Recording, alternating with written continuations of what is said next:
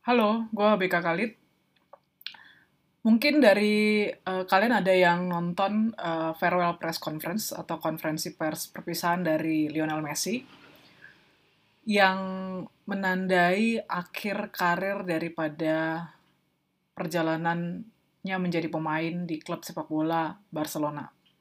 Ya kita semua tahu, ya mungkin nggak semua ya, ada juga yang mungkin nggak tahu kalau Messi itu adalah pemain sepak bola dunia yang sudah sangat terkenal dengan kehebatannya bermain sepak bola, menjadi bintang dengan segudang prestasi, segudang penghargaan, dan dari awal karirnya bermain sepak bola di klub, eh, klub-klub besar, itu Messi memang sepertinya mulai dari Barcelona ya.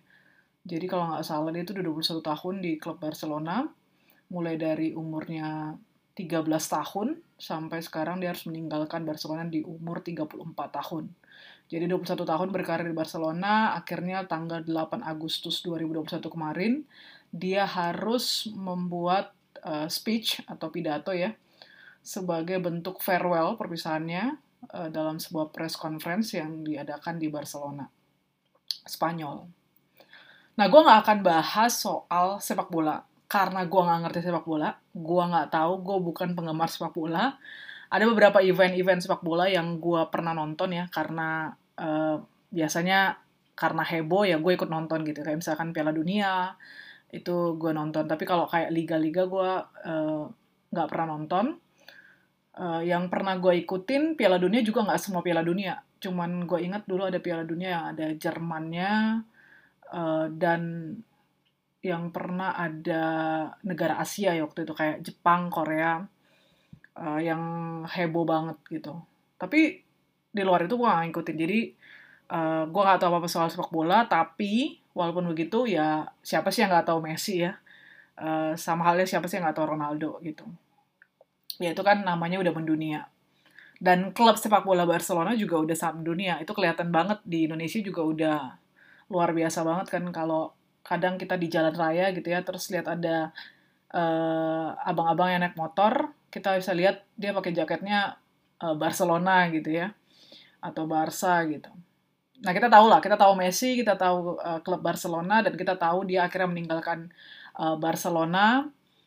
Uh, dia harus pindah klub, dia tidak bisa lagi main di Barcelona, padahal sudah 21 tahun, dan dia sangat mencintai Barcelona. Itu dikatakannya berulang kali ya dalam beberapa pengakuan pers uh, dalam beberapa statementnya. Dan gue juga nggak akan ngebahas gitu alasan dia kenapa dia keluar dari Barcelona. Ya gue cuma dengar-dengar uh, tentang ada peraturan dari La Liga lah yang sudah ada sejak tahun 2013 yang mengatakan bahwa uh, secara finansial klub-klub uh, di bawah La Liga itu itu harus sehat ya. Dengan memastikan bahwa hanya 70% uh, dana yang dipakai untuk uh, melakukan pembelian atau penggajian uh, pemain gitu. Nah, waktu itu dikatakan Barcelona saat ini itu sudah melebihi 70%. Walaupun nanti Messi dibayar uh, gajinya yang sudah sepakat ya, akhirnya uh, Messi sepakat bahwa untuk tetap berlanjut di Barcelona dia bersedia untuk dibayar uh, hanya 50% saja dari gajinya karena kondisi keuangan di uh, Barcelona dan juga uh, dibayarkan di dua tahun pertama sebagai kontrak lima tahun dia uh, tidak masalah gitu ya. Tapi uh, tetap saja nggak bisa gitu karena keputusan atau peraturan ya peraturan La Liga itu. Itu infonya. Jadi sebenarnya Messi sudah bersedia dipotong gaji 50%, uh, klub Barcelona juga sudah bersedia gitu. Mereka sudah uh, mencapai sepertinya seolah-olah kata sepakat lah ya. Tapi ternyata ada peraturan La Liga yang melihat kondisi keuangan uh, klub Barcelona itu tidak sehat sehingga tidak bisa melanjutkan kontrak dari uh, Messi. Uh, karena tanpa Messi ikut bergabung saja lagi melanjutkan kontraknya gitu ya itu Barcelona itu sudah uh, melebihi 70% tadi. Kurang lebih ya. Jadi itu yang gue dengar. Gue nggak tahu itu benar atau enggak. Uh, kalian bisa klarifikasi dan cek sendiri lah jadi yang pertama gue nggak tahu apa-apa soal sepak bola, gue juga nggak ngerti kenapa sebenarnya Messi keluar, gue cuma denger itu. Uh, dan yang ketiga yang gue mau bahas itu bukan soal sepak bolanya dan alasan Messi keluar gitu. Tapi uh, gue ingin membahas ini dari sudut pandang yang uh, kurang lebih gue pahami gitu. Jadi gue nggak akan bahas sesuatu yang gue nggak pahami lah ya. Sebenarnya yang gue bahas ini juga nggak terlalu paham-paham banget, tapi minimal gue pernah uh, merasakan dan uh, apa ya meng mengerti lah kurang lebih. Jadi apa sih sebenarnya yang gue mau bahas dari uh, kisahnya Messi dan kita mungkin bisa belajar dari kisahnya Messi. Ya bayangin aja Messi itu udah dari umur 13 tahun gitu ya. Gue pernah nonton uh, video waktu Messi diwawancarai waktu dia masih umur di bawah 20 tahun kali ya. Itu kayaknya belasan tahun deh. Uh, dia diwawancarai uh, soal gimana uh, dia di klub Barcelona dan itu mukanya masih muda banget. Dan dia kayaknya masih polos banget ya ngomongnya gitu. Uh, betapa dia suka di klub Barcelona uh, betapa dia mencintai uh, klub Barcelona dia mau bermain di sana gitu. Dan bahkan uh, berulang kali juga ya uh, kita sel selalu dengar atau mungkin sering dengar um, Messi mengatakan bahwa dia ingin uh, menghabiskan sepanjang hidupnya mungkin ya di Barcelona jadi dia dari usia 13 tahun, dia begitu mencintai Barcelona, dia ingin sangat uh, bertahan gitu ya, dan terus ada di Barcelona mungkin sampai dia pensiun, dan sepanjang hidupnya uh, bermain sepak bola, sepanjang karirnya gitu. Sampai akhirnya tahun lalu, gue denger baca berita bahwa Barcelona uh, punya presiden, yaitu Bartomeu kalau nggak salah, Bartomeu, dan ada konflik sepertinya dengan Messi. Jadi Messi tidak suka dengan kepemimpinan Bartomeu yang membuat uh, Messi ingin keluar dari Barcelona. Dan dia sudah meng apa ya menggembar-gemborkan bahwa dia itu tidak mau lanjut lagi dengan Barcelona. Dia mau keluar saja. Bayangin orang yang dari usia 13 tahun udah di Barcelona dan dia terus berulang-ulang kali mengatakan betapa dia mencintai Barcelona dia yang terus membela Barcelona dia tidak akan pindah klub uh, dia rela melakukan apa pun saja untuk uh, klub. Dan akhirnya dia tahun lalu uh, menemui seseorang yang membuat dia bisa mengatakan bahwa dia ingin meninggalkan Barcelona. Jadi setelah 20 tahun lah ya, dari 13 tahun usianya sampai di tahun 2020, waktu itu usianya 33 tahun, berarti sekitar 20 tahun dia sudah begitu bangga, begitu senang, begitu bahagianya dia di Barcelona gitu. Dia mengerahkan segala daya upayanya dan kalau gue nggak salah gue pernah nonton juga ya Messi itu tipikal uh, kapten klub eh bukan kapten klub kapten sepak bola gitu ya kapten sepak bola di Barcelona kalau nggak salah koreksi gue ya tolong kalau salah gitu. Dan juga sebagai uh, pemain andalan gitu kapten juga kalau nggak salah di Argentina gitu kalau pemain nasionalnya. Itu kalau dia menang dapat penghargaan hanya sebagai pemain terbaik tapi klubnya atau negaranya kalah dia tuh menerimanya itu dengan tidak senang gitu, dengan tidak happy. Dan gue pernah nonton itu. Gue lupa persisnya kapan, tapi uh, eh, gue lupa gitu persisnya di pertandingan apa dan kapan itu gue lupa. Tapi gue pernah nonton gitu. Itu menunjukkan dedikasinya uh, tentang kekompakannya dia bersama dengan tim dan juga uh, baik itu di klub maupun di negaranya. Nah, yang gue mau bilang bahwa uh, dia menemui sosok apa ya dia menemukan satu sosok Bartomeu dengan segala apa pun yang terjadi lah di, antara konflik mereka yang gue nggak tahu mana yang benar mana yang salah gitu ya. Tapi itu membuat Messi bisa akhirnya mengeluarkan statement bahwa dia itu tidak mau lagi di Barcelona karena Bartomeu. Ya kan? Itu kalau nggak salah sekitar Agustus 2020 kalau gue nggak salah. Gue baca beritanya begitu. Dan akhirnya itu dibuktikan bahwa memang uh, divalidasi lah pernyataan Messi itu memang dia mau keluar itu karena Bartomeu dan kepemimpinan Bartomeu yang nggak beres lah ibaratnya begitu, itu divalidasi dan dikuatkan dengan ketika banyak yang uh, menekan gitu ya supaya Bartomeu ini mengundurkan diri, uh, akhirnya Oktober 2020 kalau nggak salah ya itu Bartomeu mengundurkan diri beserta jajaran manajemennya. Dan akhirnya Messi semangat lagi jadi waktu dia konflik-konflik dan bermasalah itu uh, kabar-kabarnya itu dia sempat tuh mengalami penurunan performance katanya ya di berita uh, ketika dia bertanding. Tapi ketika Bartomeu dan jajarannya di klub Barcelona itu mengundurkan diri, akhirnya semangatnya muncul lagi. Dia perform lagi gitu.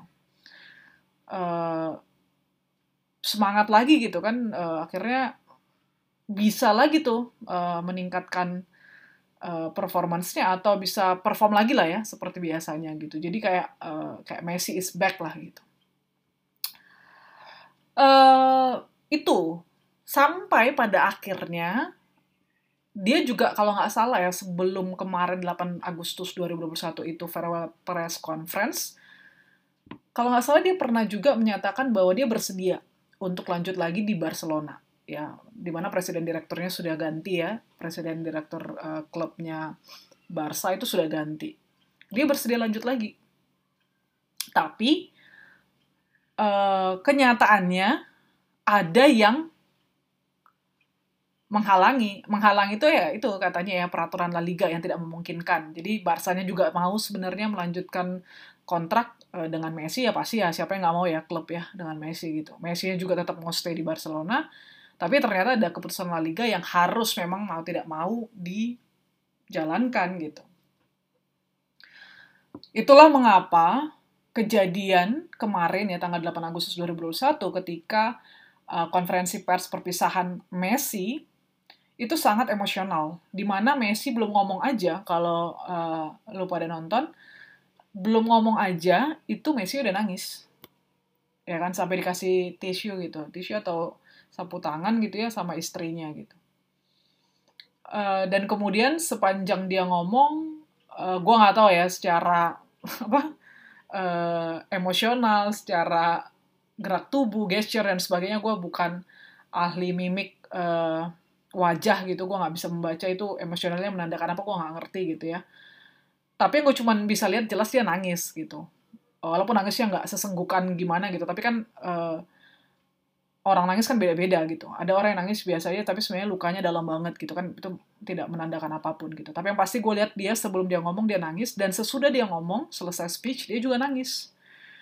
Dan itu berat banget sampai akhirnya ditepokin tepok panjang gitu ya, tepuk tangan panjang sama penontonnya yang ada di situ. Karena yang hadir itu kayaknya cuma keluarganya, terus dari pihak Barcelona, terus dari pemain-pemainnya serta orang media ya, pers-pers yang uh, yang kemudian setelah itu diberikan kesempatan bertanya. Uh, ditepoki tepuk tangan panjang, awalnya mereka pada duduk tepuk tangan panjang, terus sampai mereka berdiri tepuk tangan panjang, lama banget. Menurut gue ya untuk ukuran tepuk tangan ya. Itu lama banget. Nah, itu jangan jadi sangat emosional gitu. Nah, setelah dia speech, kemudian ditepuk tangani, kemudian akhirnya sudah semua selesai tepuk tangan, kembali duduk, uh, pers diberikan kesempatan bertanya. Dan ada uh, pers yang bertanya, gue lupa tanyanya apa, tapi jawaban Messi itu jelas bahwa dia katakan bahwa sekarang dia benar-benar ingin bertahan di Barcelona. Dia ingin tetap ada di Barcelona. Tapi uh, ya kenyataannya uh, kondisinya tidak memungkinkan. Kalau dia benar-benar pengen keluar itu sama seperti tahun lalu dia bilang gue pengen keluar tahun lalu. Dan gue bilang kok kalau gue mau keluar. Tapi gue kali ini gue mau bertahan dan gue tetap ada di sini. Makanya sampai rela tuh dipotong 50% gajinya kan ya. Dan dia uh, rela untuk tetap bertahan gitu di Barcelona apa pun keadaan Barcelona. Um, Lalu apa sih yang gue mau sampaikan gitu ya? Ini videonya udah lumayan, eh video, audionya podcastnya udah lumayan lama juga nih. Gue cuma bilang begini sih, kalian pernah nggak ada di posisi di mana kalian itu uh, berada dalam satu uh, perusahaan, kantor, bisnis, komunitas atau apa pun yang kalian itu bener-bener udah lama banget di situ. Terus kalian juga lama itu relatif ya tapi menurut kalian kalian udah lama, terus kalian curahkan segala hati, pikiran, perasaan kalian, tenaga, energi, kemampuan, kepintaran, kecerdasan, kerja keras, loyalitas kalian semua kalian curahkan ke situ sampai kalian benar-benar berprestasi, sampai kalian itu dianggap di sana, dibicarakan karena kalian itu benar-benar dapat diandalkan. Karena itu kalian eh, karena kalian itu luar biasa gitu ya, benar-benar panutan, benar-benar jadi contoh. Dan kalian sangat mencintai tempat itu dan kalian mencurahkan segala sesuatunya dan uh, tempat itu juga meresponi dengan hal yang sama. Jadi kalian tuh kayak simbiosis mutualisme yang menyenangkan gitu kalian sudah bertahan lama sampai pada akhirnya kalian ada di titik kalian ya sebagai orang yang dianggap berprestasi, dianggap loyal, dianggap sudah memberikan yang terbaik, dianggap hebat gitu ya. Itu kalian menemui kekecewaan kalian berada di titik kekecewaan karena kalian merasa bahwa harusnya nggak begini. Harusnya nggak begitu. gua nggak suka begini, gua nggak suka begitu, ini nggak benar, ini nggak seharusnya begini, ini nggak seharusnya begitu. Kok begitu ya? Kok begini ya? Ini salah, ini nggak benar. Pernah nggak kalian merasa begitu? Ya, jadi kalian selalu mengungkapkan cinta kalian yang luar biasa, kalian selalu me membuat eh, prestasi-prestasi uh, yang luar biasa, kerja keras kalian udah nggak apa ya, nggak diragukan lagi loyalitas, uh, pengorbanan kalian jor-joran banget deh gitu. Sampai mungkin banyak yang kalian korbankan demi kalian berkontribusi untuk entah itu perusahaan, entah itu bisnis, entah itu komunitas, entah itu untuk seseorang gitu ya. Tapi kemudian akhirnya ada satu momen, satu uh, titik di mana kalian itu merasa bahwa kayaknya ada yang salah deh. Sampai akhirnya kalian keluar atau bahkan pengen keluar. Belum keluar mungkin ya, pengen keluar. Pengen keluar dari kondisi situasi itu dan kalian benar-benar usahakan supaya pengen keluar. Akhirnya karena kalian itu memang punya uh, daya jual atau daya tawar yang gede, kalian nggak dibiarkan keluar begitu aja. Kalian di, dipertahankan, di, ditawari ini itu supaya kalian nggak keluar. Nah akhirnya kalian kembali dengan semangat baru karena kalian merasa ada perubahan. Ya, sama seperti kasus Messi tadi kan karena Bartomeu-nya mundur, kemudian naik yang baru, uh, dia merasa semangat kembali. Itu juga mungkin yang kalian rasakan ketika tadi kalian pengen mundur, karena kalian kemudian ditawarin uh, banyak hal yang jauh lebih baik, kalian itu oh, oke, okay. kalian melihat juga dijanjikan uh, perubahan, kalian berpikir ya sudah oke, okay, dan kalian tetap bertahan. Sampai pada akhirnya ketika, nih rasanya udah sama-sama enak nih, udah kembali enak. Ada satu titik bahwa akhirnya kita yang harus dikeluarkan. Kita yang harus diberhentikan. Ya entah itu di PHK, entah itu kita harus di di di apa ya dikeluarkan karena kondisi ya bukan karena performance kita performance kita nggak bagus kan misalkan kalau itu di perusahaan atau uh, di perusahaan misalkan bukan karena performance kita nggak bagus karena kita selalu berprestasi misalkan atau ya bukan selalu lah katakan tapi ya bisa diandalkan lah gitu dipercaya atau misalkan di bisnis uh, bisnis itu yang tadi kita udah mulai bangun kita udah sempat nggak nyaman karena mungkin kondisi investor, kondisi uh, founder, karyawan, tim dan sebagainya, tapi akhirnya setelah diganti semangat lagi atau karena ada kondisi-kondisi eksternal lainnya. Tapi ada situasi mungkin yang misalkan pandemi COVID-19 ini yang membuat kayak bisnis harus bangkrut, bisnis harus berhenti gitu. Atau misalkan ada kebersamaan kita dan orang-orang yang kita kasihi gitu ya, uh, tadinya udah sempat sembuh karena sakit, akhirnya harus uh, meninggal gitu, harus pergi meninggalkan kita gitu. Atau misalkan kita di komunitas ya, uh, tadinya kita udah cinta banget, ada karena selek masalah apa pun akhirnya udah membaik atau uh, orang yang kita anggap musuh atau kita benci ya sudah nggak ada lagi, uh, kita udah main lagi, tapi ternyata komunitas ini harus bubar gerak ke jalan gitu atau kita udah nggak uh, nyaman lagi karena misalkan pemimpinnya berganti dan uh, pemimpinnya nggak suka sama kita atau apa berbagai lah berbagai alasan. Jadi dari kasus Messi ini, gue melihat ada banyak kesamaan juga dengan apa yang pernah gue alamin dan juga yang pernah minimal ada teman-teman gue alamin gitu. Ya yang pernah gue juga dengar ceritanya. Dan gue rasa ini bukan kasus ataupun kisah yang unik ya. Ada banyak orang yang mengalami hal ini dalam perjalanan hidupnya. Nah, pelajaran apa sih yang bisa kita petik gitu dari kasusnya Messi dan mungkin juga dari contoh-contoh kasus yang aku ceritain tadi atau mungkin pengalaman diri kita sendiri gitu. Bahwa yang nggak ada yang abadi gitu. Dan kita harus uh, bersiap-siap untuk melepas apa pun itu. Dan gue pernah dengar satu uh,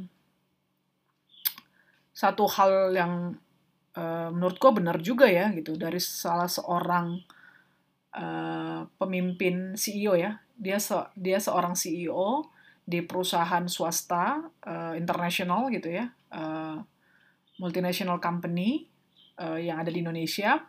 Dia CEO-nya dan dia bilang gini bahwa uh, apa pun itu jangan take it personal, jangan take it personally gitu loh. Jadi kalau lo gagal, jangan identikan itu dengan diri lo maka lu akan terus merasa gagal dan lu akhirnya sulit bangkit. Dan kalau lu berhasil, jangan identikan itu juga dengan diri lu, karena itu akan bawa lu ke dalam kesombongan, jumawa, dan akhirnya lu bisa jatuh kapan aja. Jadi apa pun yang terjadi dalam hidup lu, don't take it personally gitu loh. Jangan anggap itu sebagai identitas final atau identitas akhir lo. Lo masih bisa kok bangkit, lo masih bisa kok maju, lo masih bisa um, mulai lagi hal yang baru apa pun itu kalau lo gagal. Dan kalau lo berhasil, ingatlah lo bisa jatuh kapan aja. Lo bisa hancur kapan aja dan lo bisa kehilangan apa pun kapan aja. Jadi hidup ini tuh ya naik turun. Tapi satu hal yang mesti kita ingat, uh, di ujung itu, di ujung kehidupan itu pasti selalu akan ada yang menanti. Nah, itu yang kita harus cari tahu. Yang menanti itu apa dan apa yang harus kita berikan pada yang menanti itu. Itu sih. Tapi yang pan, yang penting juga adalah bahwa jangan take it, jangan uh, bawa ke hati gitu, jangan baperan. Gua tahu ini sulit dan gue juga mengalami ini dan ini membuat gua mengerti proses kehidupan lagi karena kita diproses uh, bukan hanya sekali dua kali ya berkali-kali tergantung perjalanan hidup kita masing-masing dan kebandelan kita masing-masing gitu dan gue adalah orang yang bandel banget uh, dan gue menyadari gitu bahwa ya gue kurang lebih melihat Messi so kayaknya gue ngerti gitu air mata emosionalnya Messi itu artinya apa gitu walaupun gue nggak ada di posisinya dia dan pasti posisinya dia jauh lebih complicated lebih rumit lebih berat gitu ya dibandingkan yang gue nggak ada apa-apanya lah gitu Oke, jadi tetap semangat. Uh,